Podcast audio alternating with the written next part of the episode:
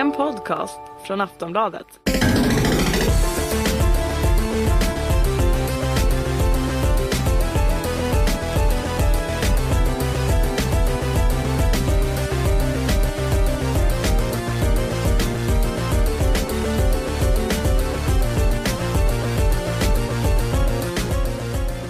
Du lyssnar på Nöjesbladets spelarpodd med mig Kerstin Alex.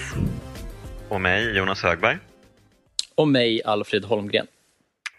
Idag ska vi prata om spel som förför och spel som förstör. Vi ska prata om spel som upprör tillräckligt för att bli bannlysta. Om spelmoral och vad som ger oss ångest. Virtuella älskare och älskarinnor som ersatte riktiga relationer. Ja, Alfred Holmgren, du är eh, redaktör på spelarsajten. Yes, det stämmer. Och Jonas Högberg, eh, du är eh, nyhetsskribent och eh, recensent. Ja, absolut. Ja, och själv är jag recensent, helt enkelt. Och jag tänkte fråga er, vad spelar ni just nu? Ja, jag spelar ju det här skräckspelet Outlast som släpptes till PC förra året och som nu nyligen kommit till Playstation 4. Um, det är ju en del av det här survival horror-undret som vi pratade om förra veckan, eller ja, för förra veckan. Um, och där uh, ja, man alltså inte har några vapen, man springer omkring i ett mentalsjukhus um, uh, helt utan vapen och ja, man springer verkligen omkring. Man springer från uh, mentalpatienter och andra monster och kastar sig över eh, byråer och smyger under saker och sånt där. Eh, det är ganska kul. Eh, det finns mycket att störa sig på med det här spelet men eh, det finns också mycket att eh, gilla. Det Jonas, blir du så rädd som de här människorna man ser på YouTube som sitter och gallskriker medan de spelar? Eller är det bara fake allt det där? Jag tror nog att det där är fake för att jag, jag har ju aldrig gallskrikit åt ett enda spel. Eh, men däremot så hoppade jag högt eh, av första den här ehm, jump scaren, alltså att de, den här bu-grejen i spelet. Ehm, det, jag blev verkligen skiträdd. Eh, och då hade, de hade verkligen lyckats vagga mig in i rätt sorts atmosfär, för det är ju jätteviktigt. Att man verkligen ehm, att man känner liksom ondskan liksom tippra ner längs rygg, ryggraden på en. Eh, och eh, det lyckades de med väldigt bra. Sen eh, när spelet eh, fortskrider och man kommer djupare och djupare in i mentalsjukhuset så tycker jag att eh, mycket av den här liksom eh, atmosfären eh, avdunstar. Ehm, man blir inte lika rädd när man till slut får veta liksom, vad det egentligen är som pågår här. Och eh, så brukar det ju tyvärr vara med väldigt många eh, skräckfilmer, skräckböcker och skräckspel. Mm, ja, absolut. Eh, Alfred, vad har du spelat? Ja, eh, det var eh, årets, eller ja, årets, eh, den största snöstormen på flera år tror jag, eh, där jag bor igår. Så jag fick ställa in mina eh, planer och istället sitta hemma och spela Far Cry 3. Men det känns som jag hade nog mått bättre om jag hade gått ut i kylan och typ frusit ihjäl. För eh, jag trivs inte sådär asbra med det spelet. Alltså jag är ganska sen på den här bollen, men jag tänkte att det är ett sånt spel som jag bör ha spelat typ. Eh, men grejen med min upplevelse av Far Cry 3 är att jag tycker liksom inte det finns ett enda spelmoment som är särskilt kul. Alltså jag tycker striderna är jättetråkiga. Det är bara samma standardvapen som i alla spel och det finns liksom ingen särskild variation i fienderna. De är inte smarta för fem öre. Och sen hela den här öppna världen känns liksom, det, det känns som en ursäkt för att Ubisoft inte har orkat bemöda sig med riktig bandesign. Alltså det är inte kul att springa runt i de här miljöerna och vara blockerad av en massa små kullar och skit och liksom bilar som välter och har sig. Um, och sen ovanpå allt det här så liksom den här tokpretentiösa hinnan med liksom så här, ja men det här är en kommentar till våldskulturen och det är så här drogsekvenser och massa weird ritualer och sådär. Och politiska övertoner med CIA, ursäkta, CIA och massa skit. Det tycker jag bara känns aslöjligt. Och karaktärerna är ju liksom extremt överdesignade karikatyrer som är så här onaturligt karismatiska i de här väldigt plågsamma mellansekvenserna. Jag har själv börjat spela på andra episoden av eh, Wolf of, eller, ja, Wolf Among Us. Jag höll på att säga Wolf of Wall Street här, men eh, det hade ju varit lite fel. Eh, men jag har inte kommit in i det tillräckligt. Är det någon av er som har kört klart, kört klart det? Jag har bara kört första episoden och bara typ fem minuter av den. Okej, Nej, jag du har stod bara inte kört ut eller? eh, första episoden. Jag tyckte inte det jag spelade av första episoden var sådär jättebra. Jag gillar verkligen Walking Dead men tyckte det var rätt antigt Wolf Among Us. Mm. Ja, det ja, ja. lilla jag kört. Ja, det här tyckte jag att det var fantastiskt, första episoden. Ja, men där har du fel, så du. Ja, ja men eh, okej. Men så, så må det vara. Men eh, jag tyckte att eh, det var en underbar värld de byggt upp. Jag tycker det är Eh, jätteintressant med, eh, med eh, till exempel eh, odjuret och jag menar hur, hur alla de karaktärerna skulle komma in i den riktiga världen och hur de skulle behöva leva och sådär. Tyckte jag var jätteintressant i alla fall. Idémässigt. Mm, mm. Eller vad säger ni? Ja, absolut. Ja, jag kan... Ja. Ja. Ehm, precis. Ehm, ja, men jag tycker de gör det bra. Ehm, jag gillar ju att se alla de här mänskliga motsvarigheterna till de här fabeldjuren. Och Mm. eh, det, det känns ju som att de har hur mycket som helst att ta av också. Så Mm. ehm, ja, jag ser jättemycket fram emot eh, episod två. All right. Ehm, ja, jag tänkte att vi skulle prata om bannlysta spel. Ehm, känner ni till några bannlysta spel? Förresten. Alltså det första, jag har ett jätteklart minne apropå det här ämnet. Eh, Mm. Det första bandlistaspelet som jag verkligen minns i någorlunda vuxen ålder, nej inte riktigt, men som jag minns att jag hörde talas om, det var Thrill Kill till Playstation 1. Är det en titel som, ringer det någon klocka när ni hör den? Inte för min Ja. del. Ja, jag vet eh, vad det handlar om. Det är väl ett uh, beat'em up, va? Ja, precis, alltså det är ett fightingspel för fyra spelare, så tänk typ powerstone. Man står i ett rum, eh, fyra spelare samtidigt. Eh, och det skulle släppas av en utgivare som heter Virgin Interactive, om någon minns den, 1998. Men så var det så att Virgin köptes upp av EA, som tyckte att spelet var oacceptabelt våldsamt. Det finns ett citat här som jag hittat. Eh, EA ska ha sagt att spelet är olämpligt oavsett vem som köper det. Tittar man på Mortal Kombat så ser man ett fightingspel medan Thrill Kill är ett sadistiskt mördarspel. Uh, och Det är liksom ett spel som EA hade fått på köpet när de köpte Virgin. Där de tyckte att det skulle skada vårt anseende för mycket, så vi, vi bara ger inte ut det. Och det har ju, eftersom det var färdigt i stort sett så har det förstås läckt ut så att det finns att beskåda på Youtube och ja, folk har kunnat ladda ner det på olika eh, tvivelaktiga vis. Då. Så det finns eh, mycket material från det här spelet i omlopp och där kan man liksom se hur Ja, man för, det är inte svårt att förstå vad som var kontroversiellt. Det är, ja, sadistiskt är ju bara förnamnet, fast det är på ett ganska komiskt sätt. Ungefär som Mortal Kombat. Jag ser ingen jättestor distinktion mellan dem, det är bara ännu mer utstuderat i Thrillkill. Alltså man slåss med liksom lösa armar och ben som man hittar på marken. Huvuden flyger, kroppar slits i flera bitar. Folk äter kroppsdelar, så det finns här ett inslag av kannibalism. Eh, så här, någon kan slita armarna av sin motståndare och slå ihjäl honom med dem, så att han blir ihjälslagen med sina egna armar. Eh, de sparkar huvuden som fotbollar. Och så finns det en attack som ska föreställa en anal våldtäkt. Vilket väl eh, känns som... Ja, eller hur? Är det en särskild åtminstone- attack som man kan Ja, göra? precis. Det är, det är en speciell karaktär som, eh, som har den här attacken. Det är bara han då. Och det är Ja, inte så att man ser några könsorgan eller sådär. Men det är en... Ja, det, man, man ser vad det ska föreställa och det eh, gör ju skada liksom. Så att det är väl inte bara en taunt.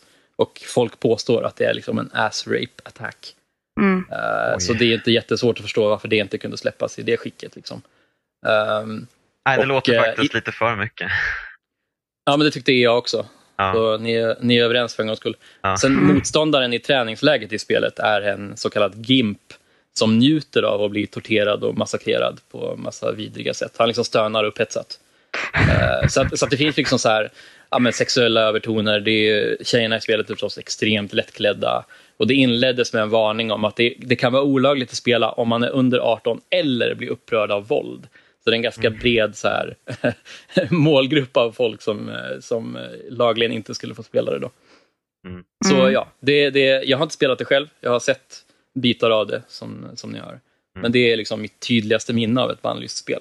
Alltså man blir ju lite sugen ändå. På... jag vet inte Ja. varför, bara på att se vad det är för någonting. Liksom, det Ja, låter jag, jag, helt undrar bisarrt. lite, jag undrar lite varför faktiskt. Ja, nej gud. Ja, kan du toppa det här då Jonas? Oj, eh, osäkert. Det jag tänker på först och främst när det gäller bannlysta spel det är väl i så fall Postal 2. Um, för det är väl i princip det enda spelet som verkligen har liksom utmanats av den svenska, alltså inte censurnämnden, men justitiekanslern ville ju förbjuda spelet när det släpptes. Eller det var ju mm. så att det var en, ehm, det var en, en företagare tror jag som hade importerat spelet och sålt det och det hade då blivit ett brott mot eh, yttrandefrihetslagen kanske, eller något liknande. Eh, spelet ansågs innehålla någon sorts olaga våldsskildring. Och eh, mm. det blev en stor liksom, grej i Sverige. Jag tror det var kring 20, 2005, eh, 2006 kanske. Ehm, och det prövades i svensk domstol och sådär. Men eh, och han riskerade liksom böter och fängelse och sånt där. Men eh, ja, de friade ju honom till slut. Eh, alltså, det, Postal, det är väl, ja. Eh, det är inte så jättesvårt att förstå i det fallet heller, eller vad säger du Jonas, hur det kunde bli så kontroversiellt? Nej men precis, alltså Postal-serien handlar ju om en brevbärare som går liksom bärsärkagång på sin omgivning och det är ju några riktigt vidriga grejer som händer i det här spelet. Um, jag har inga exempel, men jag antar att du har. För att jag borde ju kunna sånt här, eller hur? Du har ju självklart uh, koll på sånt här. Ja, jag är ju experten på sånt här eh, olagligt innehåll i spel. Nej, men jag, har, jag, jag, har faktiskt, jag har inte spelat det själv, men jag, har, jag såg en kompis lillebror spela det en gång. Så jag har sett det. jag, jag vågade inte själv, förstår du.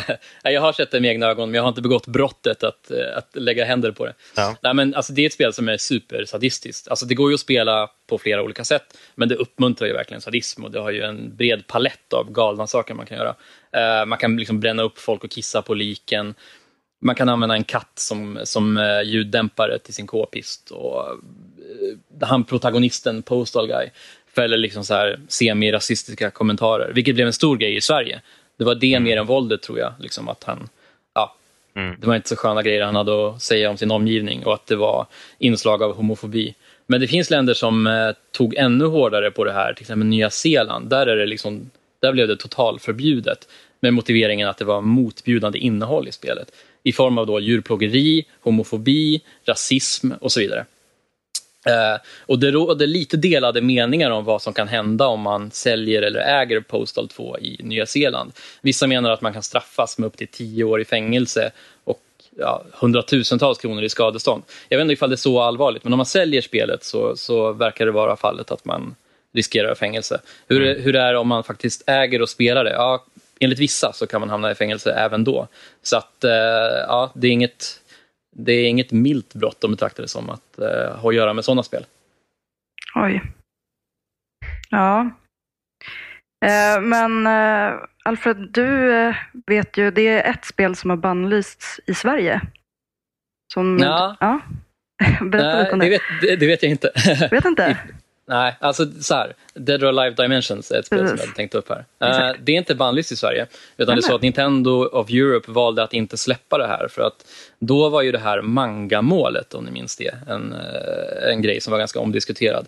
Alltså en person som då som jobbade med manga-översättning och som hade mangaböcker hemma där unga människor avbildades i sexuella situationer och det skulle då bedömas huruvida det var barnpornografi. Och det gick ända till Högsta domstolen. Han, han dömdes i ett par instanser har jag för mig, innan han kom till Högsta domstolen och friades. Och det var, jag har för mig att han hade 39 bilder som kunde anses vara barnpornografiska. Och HD tyckte då att det bara var en av dem som faktiskt kunde klassas som barnpornografi. Men eftersom han jobbade med manga så ansågs det liksom att han i egenskap av specialist hade rätt att ha det här materialet liksom, för att det behövdes för hans yrkesutövande. Eh, och det här är då kopplat till Dead or Alive Dimensions till 3DS på det sättet att där är tre av karaktärerna, tror jag de är under 18 och de är förstås stenhårt sexualiserade eftersom det är Doa-spel och det är det Doa-serien liksom är känd för. Mm. Utöver att det faktiskt är ett bra fighting-spel så är det liksom rå sexistiskt. Eh, och de här unga eh, damerna förekom då bland annat i ett så kallat figure mode där man fick klä upp och fotografera dem liksom, i valfri pose. Och eh, Nintendo var då rädda att det här skulle betraktas som barnpornografi i Sverige. Och ja, men i förlängningen innebär ju det här att alla som har spelet i Sverige i teorin skulle kunna prövas och kanske fällas för ringa barnpornografibrott. Men spelet är inte officiellt bannlyst vad jag vet. Men ni, har någon av er testat det? Eller? Um, nej. Jag är osäker om jag har spelat det på någon E3-mässa eller liknande. Alltså man har ju spelat många Doa-spel, så man vet ju vad man har att vänta sig i just eh, den här utgåvan, som verkar ganska snarlik huvudserien. Men jag, ja, jag har det inte i min ägo i alla fall, ifall polisen lyssnar på det här. Mm. Eh, finns det några fler moderna exempel på bannlysta spel? Ja, oh ja, det finns eh, hur många som helst eh, världen över. Eh, spel har ju förbjudits på många olika skäl och grunder. I Kina till exempel så har Football Manager förbjudits eftersom det skildrar Tibet som en egen stat. Um, och uh, ja, det får man ju ge poäng för ori originalitet. Men så finns det även eh, till exempel då, i Singapore så har man förbjudit Mass Effect eftersom det finns en eh, det finns en möjlighet till en lesbisk eh, sexscen. Det där var ju ett väldigt omtalat fall, jag tror det var december 2007 ungefär. Jag såg ett citat, enligt Reuters så hade då Singapores premiärminister på den här tiden sagt att staten ska behålla sina konservativa värderingar och inte tillåta särskilda rättigheter för homosexuella. Så på det sköna, härliga, frigjorda sättet motiverades då att de förbjöd spelet. Men sen tillät de ju spelet alltså nästan omedelbart efteråt. Det var bara dagar senare som det rapporterades att ja, men nu var det okej okay igen av någon intressant anledning. Mm. Mm, det är ganska intressant det här med att det i ett land bannlyses för att det finns eller kan finnas lesbiskt innehåll medan här så har det ifrågasatts varför det inte har funnits så många manliga homosexuella val. Mm. Visst är det så? Ja, precis. Hur um, olika det kan se ut där. De senare spelen inkluderade väl uh, manlig, uh, alltså homosexuell uh, kärlek. Men så, så där fick väl liksom protesterna effekt tror jag. Mm. Men ja, det, framstegen kommer ju liksom sakta men säkert. Eh, så länge som eh, vi eh, påpekar misstagen så kommer ju spelen att gradvis bli mer rättvisa för alla liksom, religioner och sexualitet och allt sånt där. Så det, ja. ja. Ja, om inte Singapore får bestämma. Singapores premiärminister.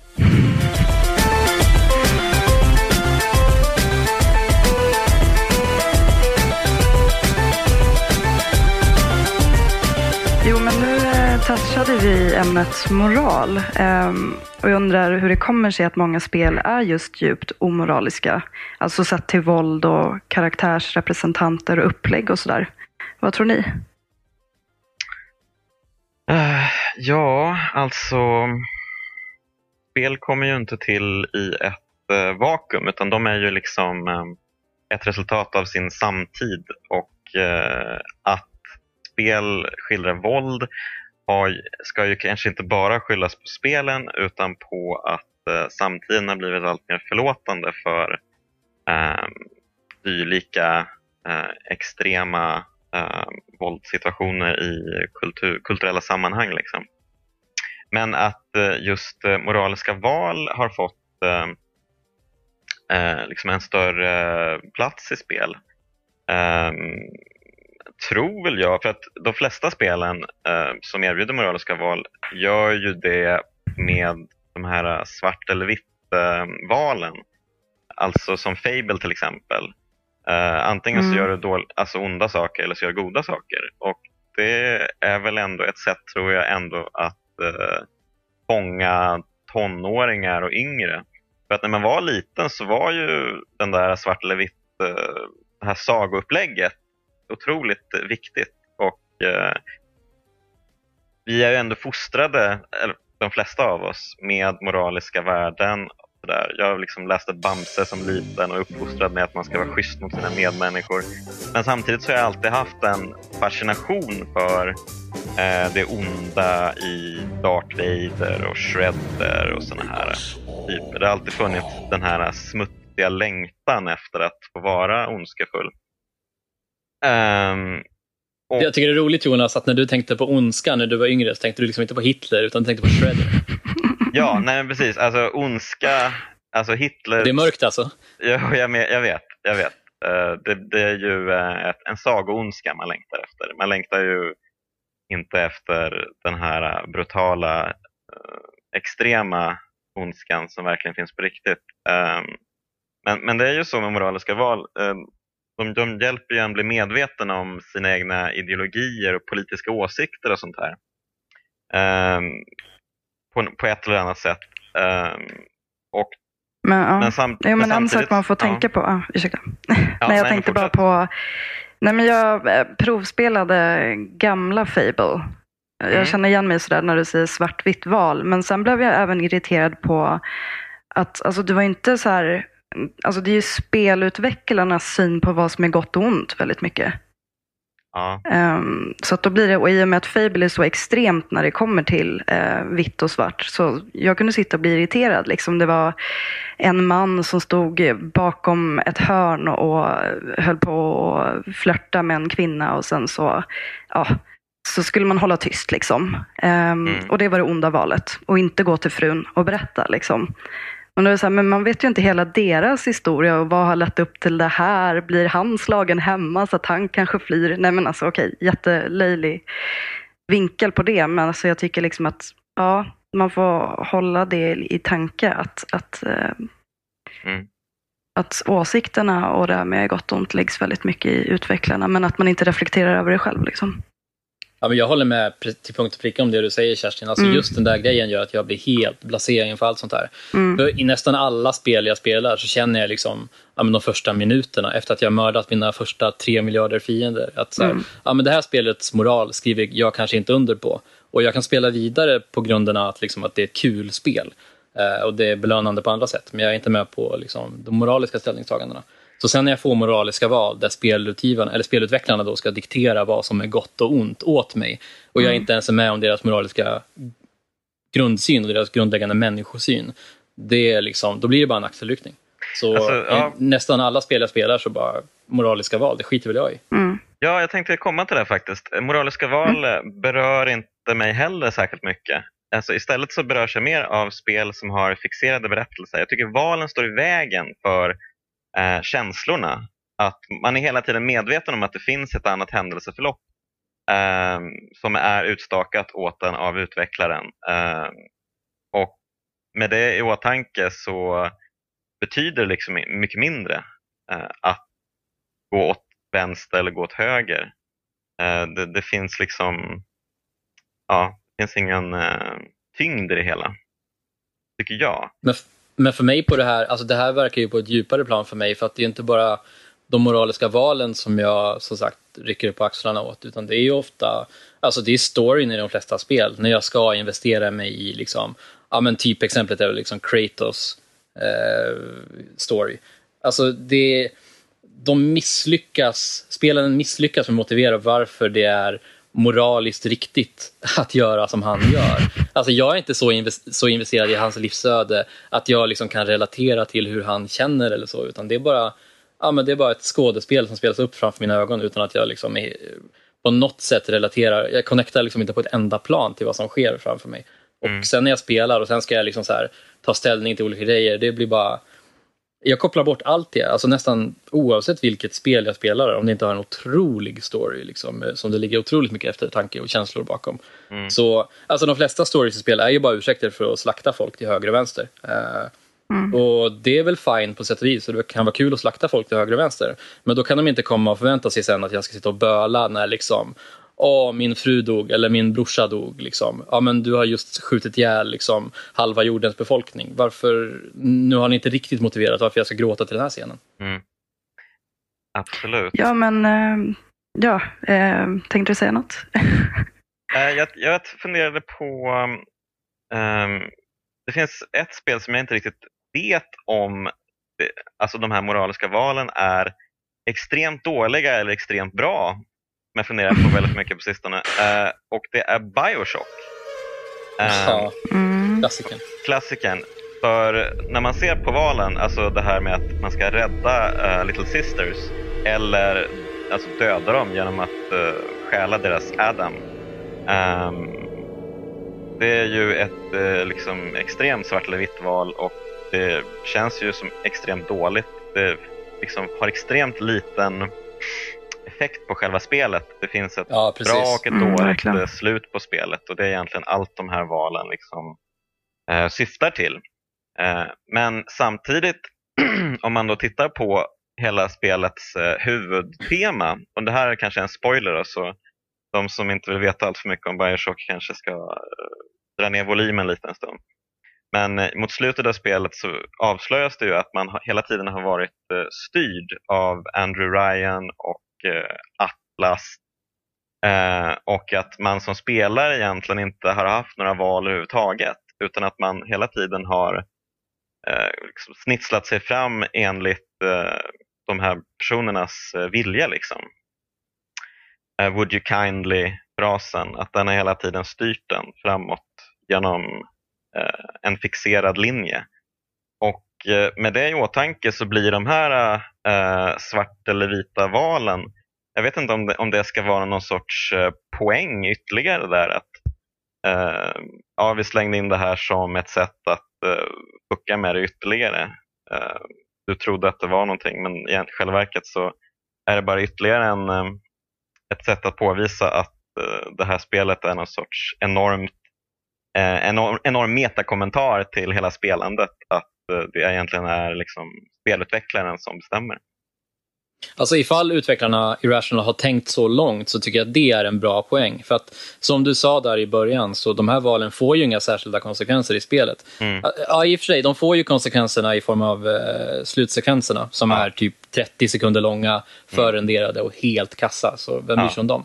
Men dessutom, om man är god, som jag var de gånger jag spelade Bioshock, Mm. eh, och alltså inte skördar de här flickorna för att få deras värdefulla mm, valuta, då, så Ja. får man ju kompensation på andra sätt. Mm. Så att i slutändan så går det ändå jämnt ut. Så att liksom, ja, okej, om man nu hade mått då, om man var så investerad att man hade mått dåligt av att vara ond, Mm. så ja, då kan man vara god och så får man samma resultat ändå. Det är ju liksom inget moraliskt dilemma värt namnet. Nej. Direkt. Det känns som att ganska många spel är så att de play safe väldigt mycket. Alltså att, jag vet inte, det är väldigt få spel där jag känner att det verkligen svider i de valen jag gör. Liksom. Som, som i Walking Dead till exempel. Ja, exakt. Jag tänkte just säga det. Det är ju Mm. liksom Mm. nästan det enda exemplet. Men det, alltså i många spel man spelar finns det ju inga moraliska val. Och i de flesta spel där det finns moraliska val är det så jädra klumpigt och premissen är så usel. Mm, som att, mm. alltså för mig, jag bryr mig inte. Men, det- i Walking ja. Dead så, ja, så biter Ja, precis. Men alltså det som gör Walking Dead eh, så bra är ju att eh, alltså man har ju försökt imitera verkligheten. Det är ju inte en sak eh, som utlöser saker, det är många olika saker. Eh, det går liksom inte att överblicka vad alla de val man gör ska leda till i slutändan. Och det, det är det som utmärker bra moraliska val. Eh, som till exempel eh, eh den här karaktären Kenny som jag eh, tyckte jättemycket om och verkligen ville vara kompis med. Jag räddade hans son och eh, försökte liksom pusha oss hela tiden. Eh, att vi skulle vara den här gruppen tillsammans. Men eh, så i episod två så kom det ett val eh, där man skulle eh, döda någon och Kenny var jättepå och ville att liksom, ja det är klart att vi måste slå in skallen på den här killen. Eh, men där började jag liksom skilja mig från hans, alltså jag, jag kunde inte riktigt hålla med honom där. Och då märkte jag, eh, då kom, då, då kom kryp verkligen spelet in under skinnet på mig. För att jag, jag kunde inte följa Kennys eh, eh, val och vägriktning. Um, och eh, det utmärker ju verkligen The Walking Dead som ett fantastiskt spel. Mm. Mm,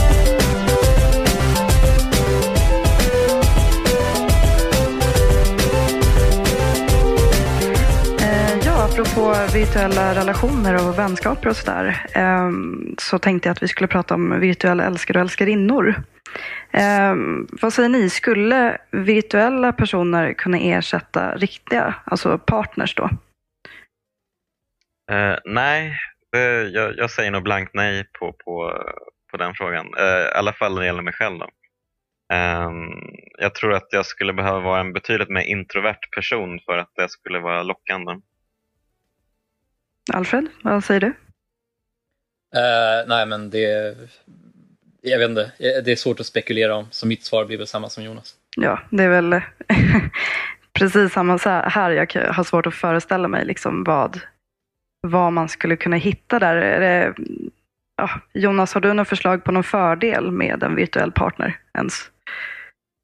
Ja, det beror ju på lite. Om man inte är så intresserad av verkligheten så förstår jag man kanske letar efter alternativa um, partners. Um, men, eh, och det är klart, oftast så är de ju väldigt tillmötesgående om man tänker så här ah, datingsimulatorer eller, eller om man bara har kärat ner sig i en spelkaraktär. Eh, de är ju oftast eh, liksom trevliga personer. Ehm, Sällan, det är sällan någon blir kär i en, uh, i en uh, alltså kär på riktigt då, i en uh, mm. mer ondskefull karaktär eller en mer moraliskt fördärvad karaktär. Det är ju oftast mm, ja, ganska det... så blanka personligheter, tror jag. Som jo, man själv men det kan har du rätt i. Mm, men det, jag spelade ett Eh, spel som heter Our Two Bedroom Story. Eh, som eh, har en åldersgräns på 12 år vad jag vet. Eh, där man spelar en, en tjej som jobbar som journalist typ. Och sen har hon blivit befordrad och kommit in i ett gäng med massa grabbar. Um, och så köper man lossar för sig olika kapitel och så. Och uh, Ah, alltså man, man, spelar ju som tjejen helt enkelt så att man ser ju världen utifrån hennes ögon. Och det var det bland det värsta jag har varit med om i spelväg, verkligen. Det, alltså under de här, jag vet inte, timmen det tog att spela spelet så blev hon utsatt för sexuella trakasserier och det, så.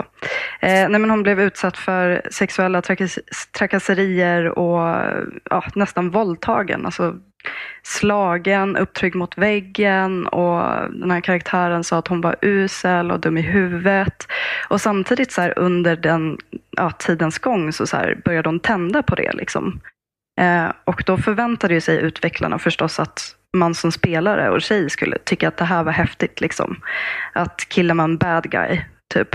Um, ja, jag vet inte. Det känns som en väldig kulturkrock där, antar jag.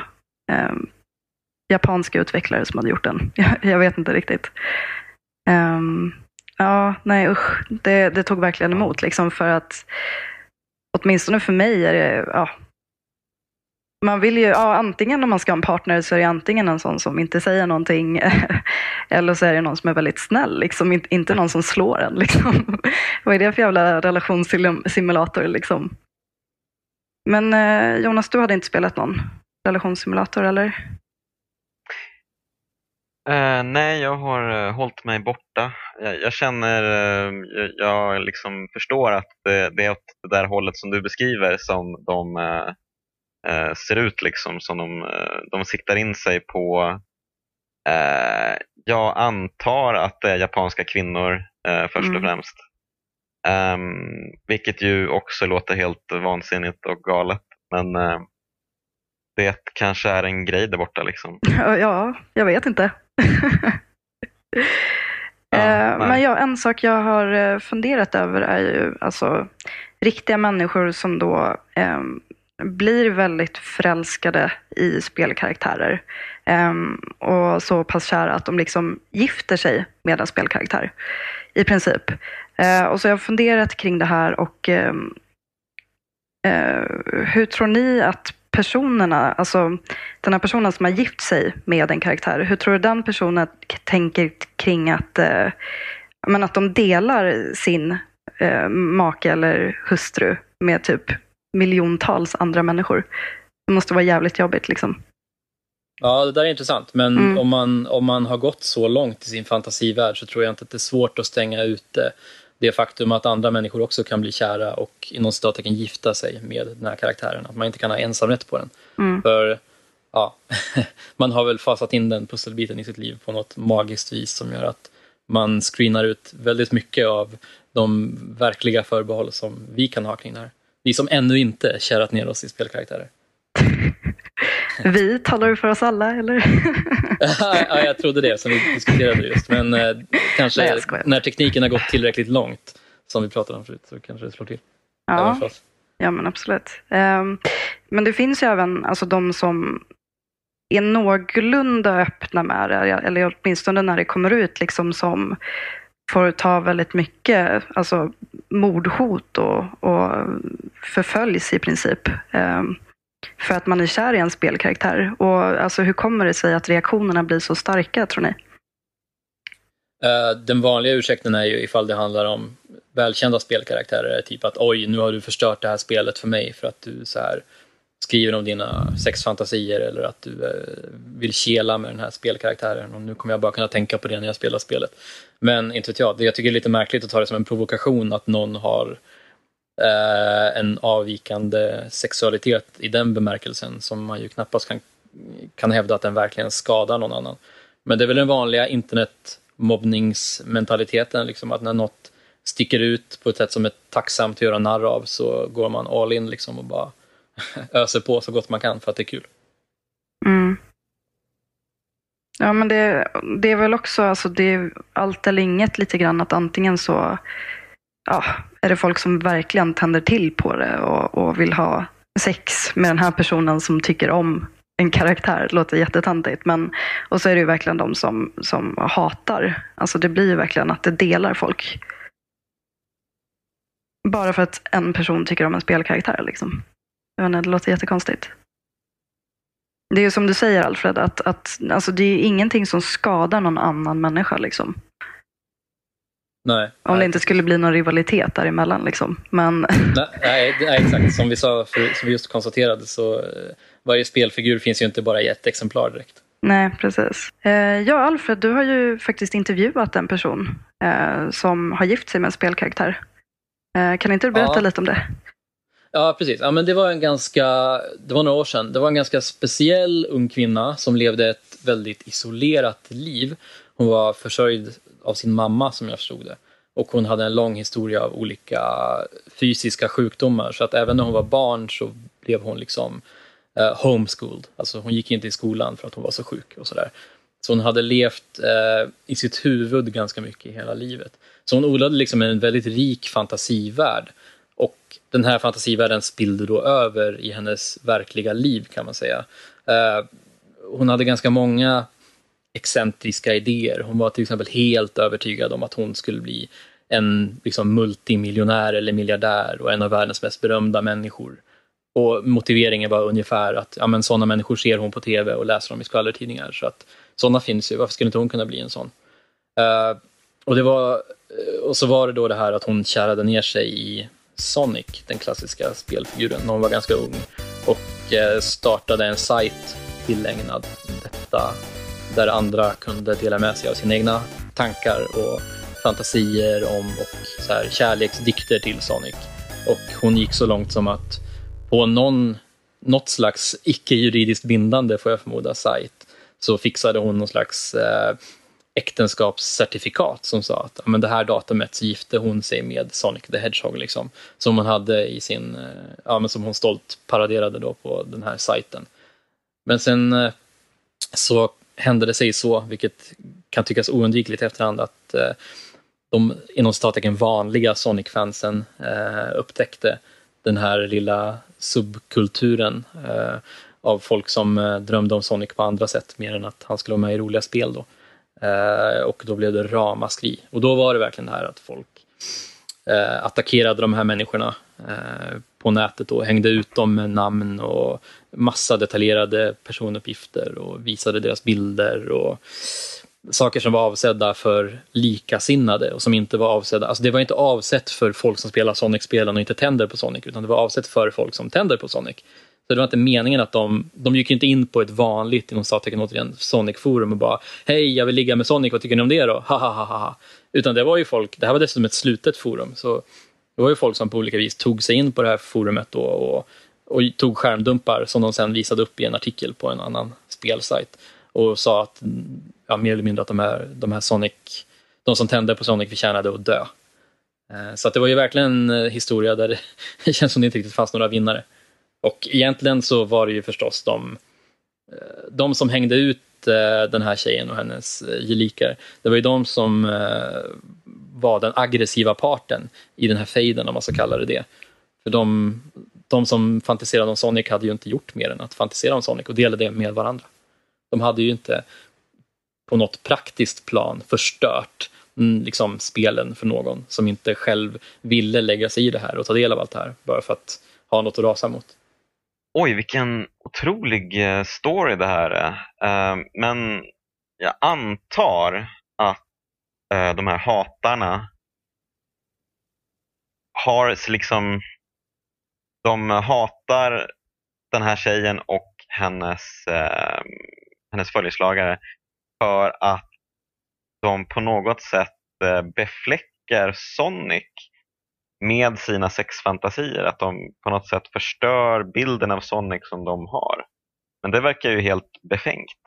Ja, eller hur? För jag förstår inte alls liksom hur man kan ha ett så snävt utrymme i sitt huvud så att säga att när någon annan tänker något som man inte själv tänker om en grej, då liksom det konkurrerar det ut ens egna känslor. Eh, alltså eftersom de sa det här förstör mina barndomsminnen. Jaha, så dina, dina minnen av Sonic är inte fina längre för att det finns folk som tänder på Sonic. Alltså det är som om jag skulle gå på bio och se liksom en film med en berömd skådespelare som jag vet att många har sexfantasier om. Och då, jag skulle inte kunna njuta av den skådespelarens liksom framförande för att det, då är det befläckat. Då sitter jag bara och tänker på att folk blir kåta. Liksom. Det, alltså är man så har man så snävt utrymme i huvudet så ska man ju inte gå in på sajter där det står liksom hej hej, här snackar vi om att ligga med Sonic. Om man vet att det kommer förstöra liksom ens egen njutning av Sonic för all framtid. Då får man väl liksom... Ja. ja, som jag förstod det, för det var ju ett slutet forum, eh, åtminstone ganska länge. Så de gick in där, tog skärmdumpar, postade dem på en annan sajt och gjorde narr av dem helt enkelt. Uh, och vad de fick ut av det var ju själva kicken i att ah, men det är kul att mobba folk. Liksom. Titta vilka jävla freaks. Men samtidigt tog de sig rätten då att dessutom bli liksom, kränkta. det var ja. de som blev kränkta. Det känns så jävla typiskt för just spelvärlden att uh, det här beteendet. Liksom. Ja. ja men verkligen. Är, spelare kan vara så jävla privilegierade i sitt beteende ibland så att man varken vet ut eller in. Och det går ju inte att ta debatten heller för att det är också, då är man en jävla moralkärring liksom.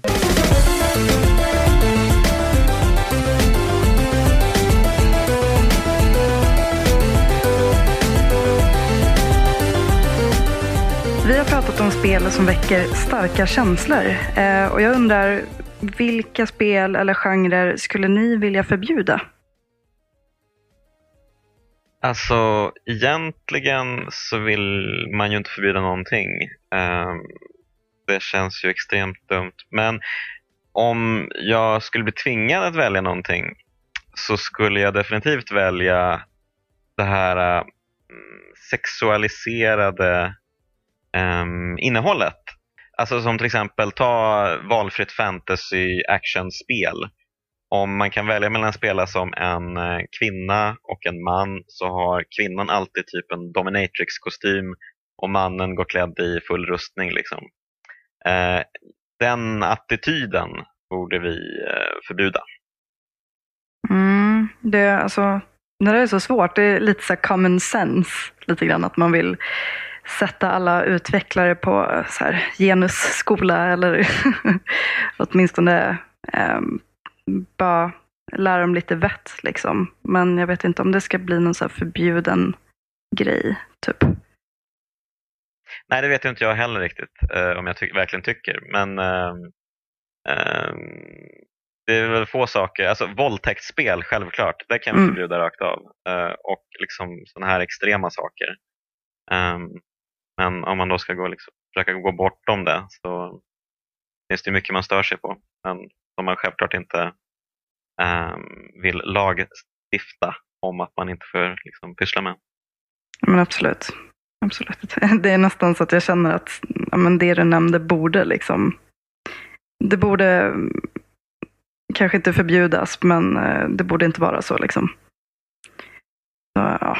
ja, precis. Eh, men Alfred, har du någonting? Eh, alltså utöver Far Cry 3 menar du? precis. jag skulle vilja, jag skulle, det här är inte en genre eller ett spel, men jag skulle vilja förbjuda repliken “det är bara ett spel”. Eh, för det är en ursäkt som både gamers och spelutvecklare tar till så fort någonting kritiseras liksom på ja, annat än tekniska grunder, alltså på moraliska grunder främst. Då. Ifall, en, eh, ifall någon har gjort ett Call of Duty-spel som kan uppfattas som propaganda för USA så är ju ursäkten den givna liksom, första hållplatsen i den debatten är att säga att ah, det är bara ett spel.